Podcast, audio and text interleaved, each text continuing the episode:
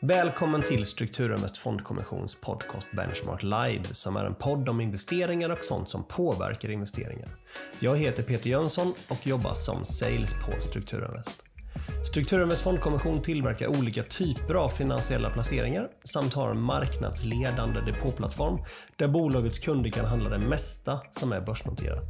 Strukturinvest har idag cirka 16 000 kunder som tillsammans har ungefär 17 miljarder kronor på sina depåer hos bolaget. Då säger vi välkomna till Benchmark Live avsnitt 16. Några av de hetaste bolagen idag är ju de som har hög tillväxt men ännu kanske inte lyckats tjäna så mycket pengar på sin affärsmodell.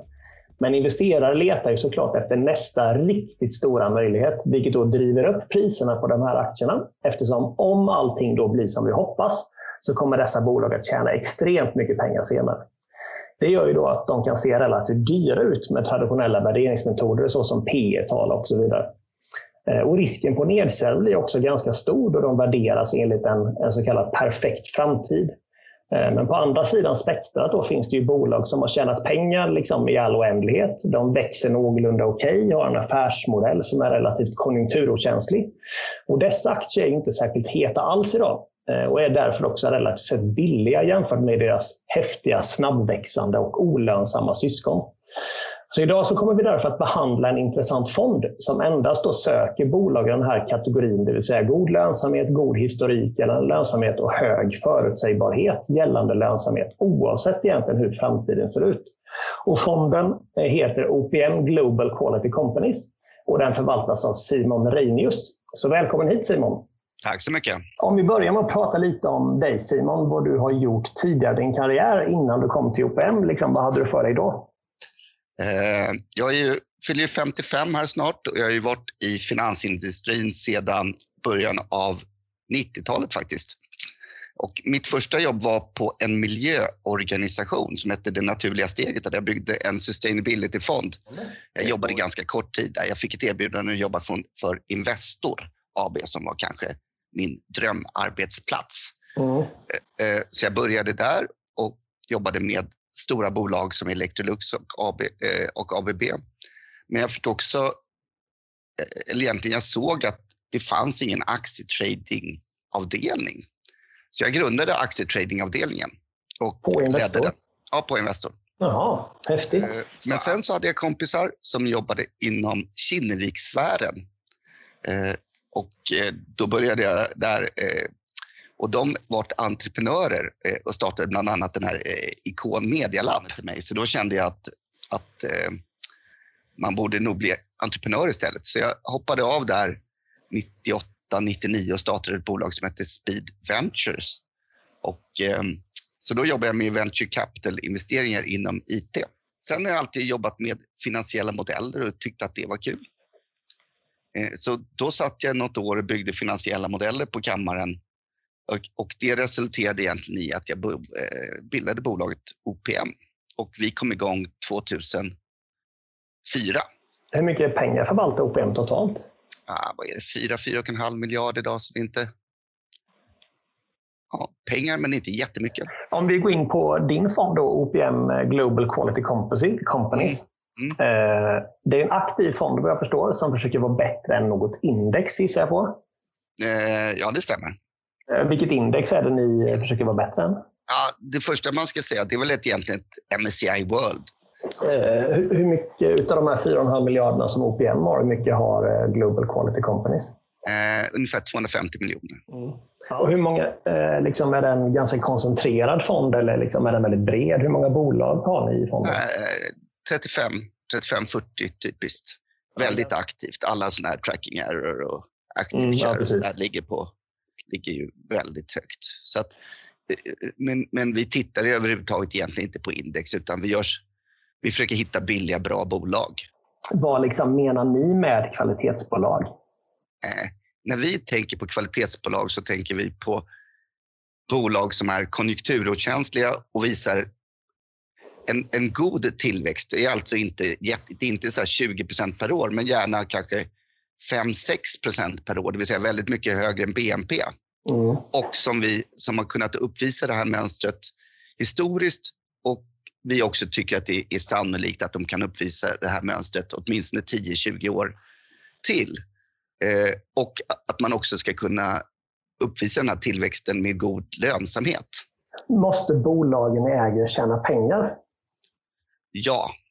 Alltid eller? Eh, så jag, menar, jag kan tänka mig att nu under pandemin finns det en del, kanske, det får du rätta mig då, men om det finns en del liksom, så att säga, kvalitetsbolag som rätt vad det var inte tjänade pengar.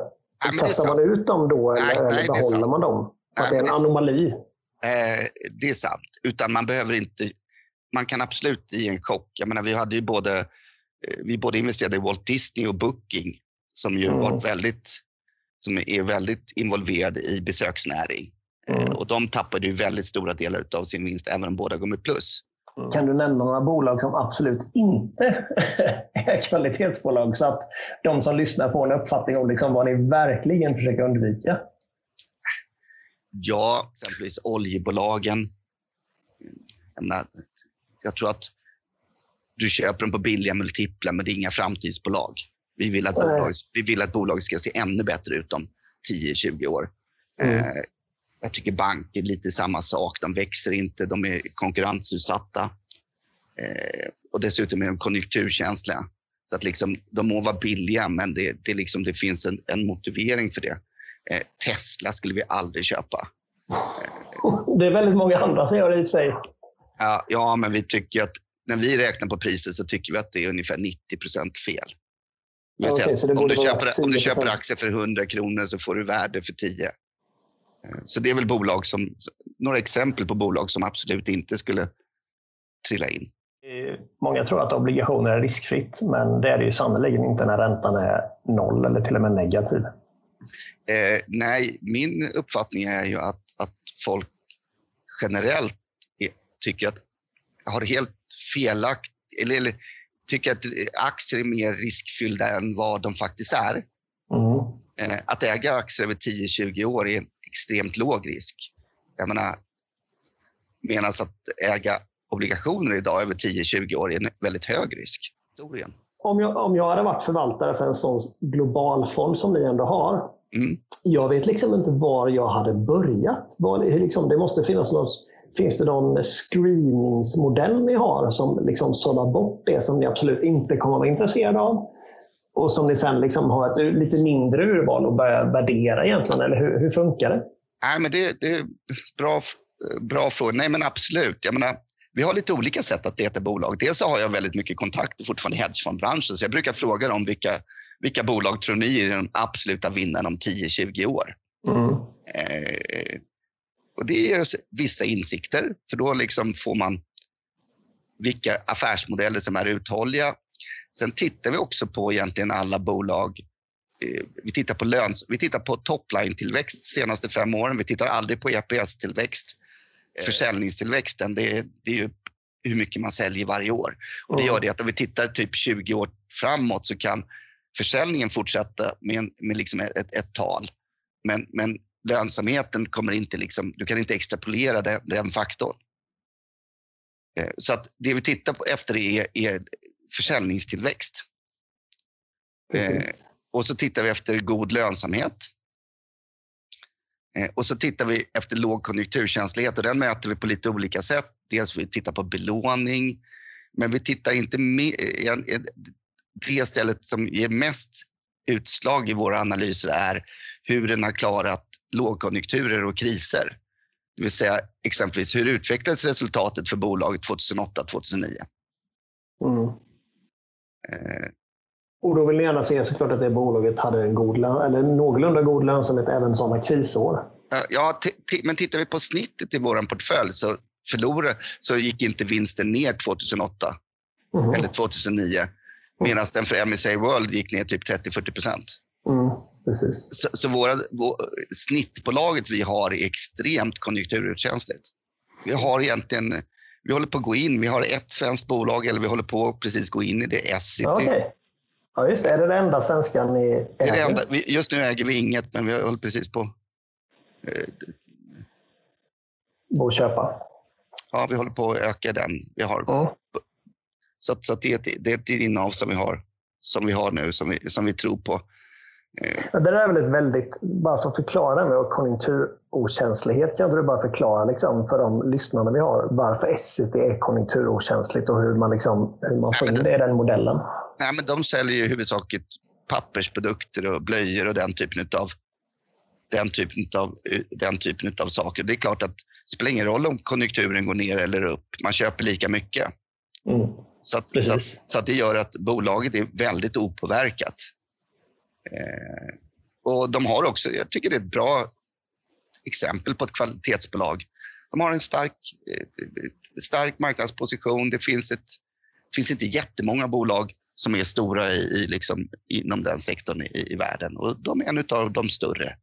Mm. Eh, och håller en bra lönsamhet. Och, och, och, och, jag menar, att äga det där bolaget över tio år skulle jag säga är nollrisk. Mm. Eh, jag skulle säga att det är helt rimligt att tro att man dubblar pengarna på 10-12 år. Eh, och jag skulle säga att risken att förlora pengar över tio år är minimal på ett sådant bolag. Och det, det, det är ett bra exempel på ett bolag som vi tycker man ska ha i sin långsiktiga portfölj. Jag menar, enligt vår prognos så tycker vi att våra bolag kanske borde åtminstone dubblas var tionde år. Men det blir ju dubbla pengarna på tio år, fyra gånger på 20 år och åtta gånger på 30 år. Mm.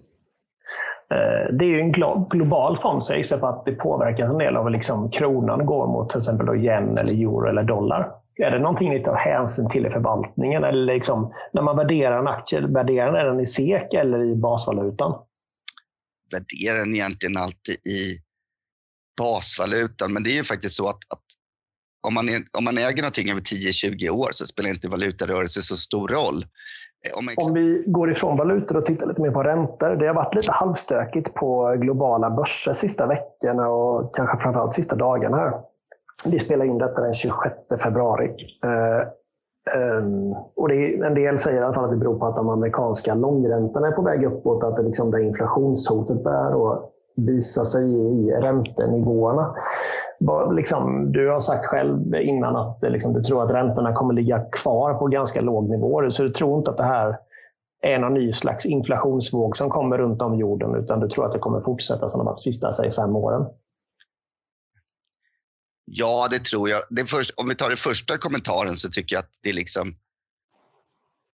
Man försöker alltid få förklaringar varför mm. saker går upp och det går ner. Jag, menar, jag tycker inte att det är konstigt vi har ändå haft en, har en pandemi. Pandemin ser svagare ut för närvarande. Liksom det, det, ser lite mindre optimistiskt ut än vad det gjorde för några veckor sedan och ändå har börsen gått starkt. Jag tycker inte att det är konstigt att det blir lite volatilitet och mycket techbolag har gått. Så att, att, att räntorna rört sig uppåt. Jag, menar, jag tyckte snarare att det var kanske konstigt att de gick ner så mycket. De är väl tillbaka ungefär där de var för något år sedan. Och sånt Så, mm. att, så att, eh, jag tycker inte, på det jag ser så finns det ingenting bland de här räntorna som de rör sig fortfarande ungefär. Det, det, finns inget, det finns ingen riktig information i dem, tycker jag. Nej. Det, det är ändå så att, att, att, att räntorna är väldigt låga. Ja, men jag tycker att det är en väldigt spännande fond, är fel ord, för det är precis vad den inte är. Men jag gillar ju någon som är så hardcore sina liksom uppfattning om vad som är rätt och fel att köpa. Det ska vara bolag som är konjunkturokänsliga, bolag som tjänar pengar över lång tid, eh, inte är några flugor och har rätt pris. Eh, jag menar, du själv har ju sagt att ni tyckte Netflix och, Spotify, eller var det Netflix och Amazon, var fantastiska bolag med fel prislapp och då köpte ni inte dem. Jag tycker det är härligt. Det känns som att det är väldigt få fonder där ute som ändå är så hardcore som ni är. Jo, men jag tycker också det att men ta ett bolag som, som, som, som ändå um, som ändå är rätt kul bolag, typ Garmin. Mm. De växer du vet, 10% topline, eh, har gjort senaste åren. Jättebra, inget konjunkturkänsligt. Så här, du vet, den där köper man på 22-23 gånger vinsten. Mm. Eh, obelånat. Jag menar, så att det finns bolag där ute som, som, som liksom är som är bra bolag och billiga, liksom, men som inte ligger precis i den här... Eh, som inte liksom är hett. Jag känner att vi har gått igenom det som eh, eh, våra lyssnare är intresserade av gällande dig och din fond. tack så jättemycket för din medverkan. Ja. Och är det så att någon är intresserad av den här fonden så ta kontakt med din rådgivare. Den finns såklart på Strukturinvests fondplattform. Ha en fortsatt härlig dag och tack så mycket Simon än en gång. Hej då! Tack, tack så mycket! Det du hört i denna podcast ska inte ses som rådgivning rörande finansiella placeringar eller investeringar, bokförings-, skatte eller juridiska frågor. Du ska inte basera dina investeringsbeslut på det som framkommit i podcasten. Kontakta alltid din rådgivare för att bedöma om en placering eller investering är lämplig för dig.